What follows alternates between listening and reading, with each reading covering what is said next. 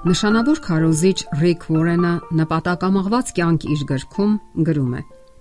Հարցը բոլորովին էլ ձեր մեջ չէ։ Ձեր կյանքի իմաստը անհամեմատ ավելի լայնածավալ է, քան անznական պահանջմունքները բավարարելը, հոգեկան հավասարակշռությունը եւ անգամ ձեր սեփական երջանկությունը։ Այն անհամեմատ ավելի նշանակալի է եւ բարձր ձեր ընտանիքից, աշխատանքային առաջընթացից եւ անգամ ամենաաներևակայելի երազանքներից ու պատվախնդիր նպատակներից, որոնք փայփայում եք ձեր հոգում։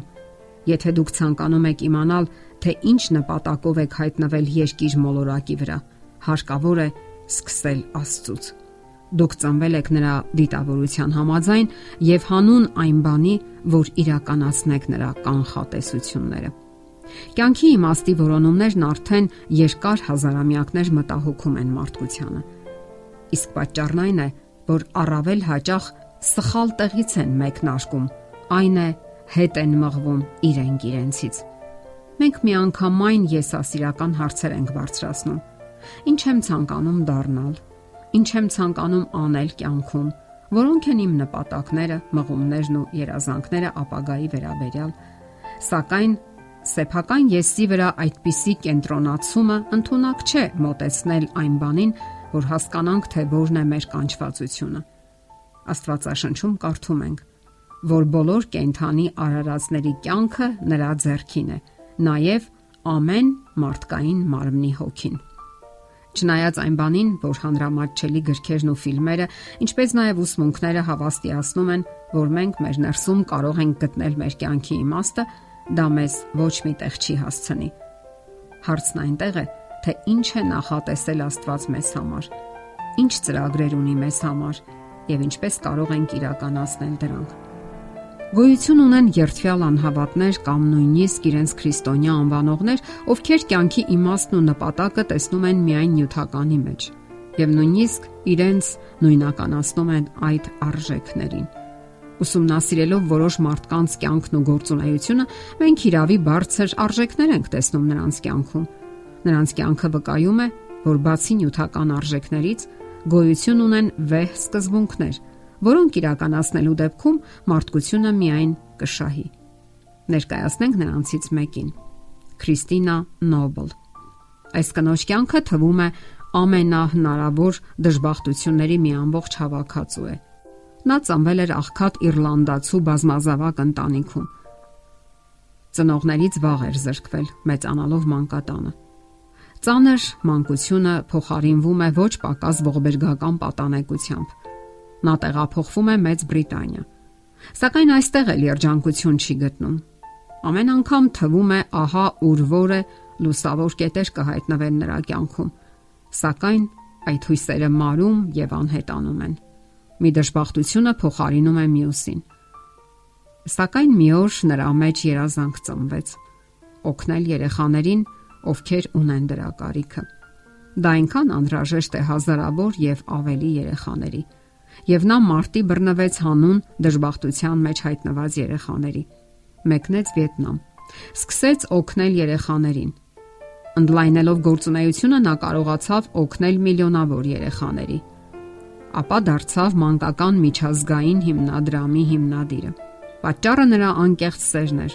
խիզախությունն ու համառությունը։ Սակայն ամենից առաջ աչքից զարնեց նրա անկեղծ ու անսասան հավատը Աստծո հանդեպ։ Նրան բաժին ընկած դժբախտությունները չկարողացան սասանել նրա հավատը եւ երբեք չմարեց մարդկանց հանդեպ նրա ունեցած սերն ու լավագույն հույսը։ Ինչպիսին կլիներ նրա կյանքը, եթե չլինեին նրան բաժին ընկած դժբախտությունները, դժվար է ասել։ Սակայն པարզ է նաև, որ Աստծո մոտ երբեք իզուր չեն անցնում մարդկային հիմնախնդիրները։ Եկեք հիշենք քրիստոնեական մեր առաքելությունը եւ Աստվածային կանչվածությունը։ Երբեք չմոռանանք, որ Աստծո եւ Սատանայի միջև մեծ պայքարում Աստծո զավակները մարտադաշտի առաջին շարքերում են։ Նրանք համարցակ մարտի են բռնվում։ Հաղթանակներ են տանում, երբեմն ընկնում, երբեմն զոհվում։ Սակայն Բոլոր դեպքերում նրանց շարքերը երբեք չեն նոսրանում։ Աստծո մարտիկները գեղեցկացնում են մեր աշխարհը, բարության օրինակ ցույց տալիս։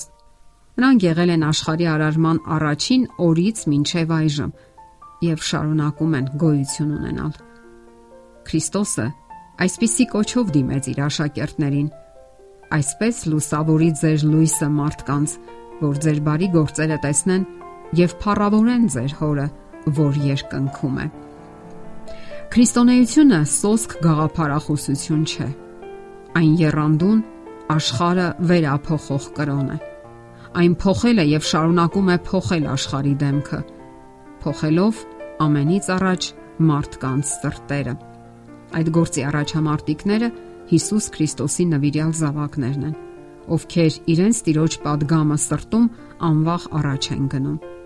Նրանց համար սարսափելի չեն ոչ արգելքները, ոչ վտանգները, ոչ այս աշխարհի ժամանակավոր հիմնախնդիրները։ Նրանք բոլոր դարերում իրենց կյանքը տվել են հանուն Քրիստոսի։ Նրանք մահացել են եւ տարապել, սակայն չեն երկնչել, որովհետեւ այդպես է падգամել իրենց մեծ ուսուցիչը։ Իր երկրային կյանքի ընթացքում նա հորդորում էր, որ եսասիրությանը հակադրենք այլասիրությունը վարվենք ինչպես բարձրալի worth-իներ, որովհետև չկա ավելի մեծ պատիվ, քան բարձրալի worth-իներ լինելն է։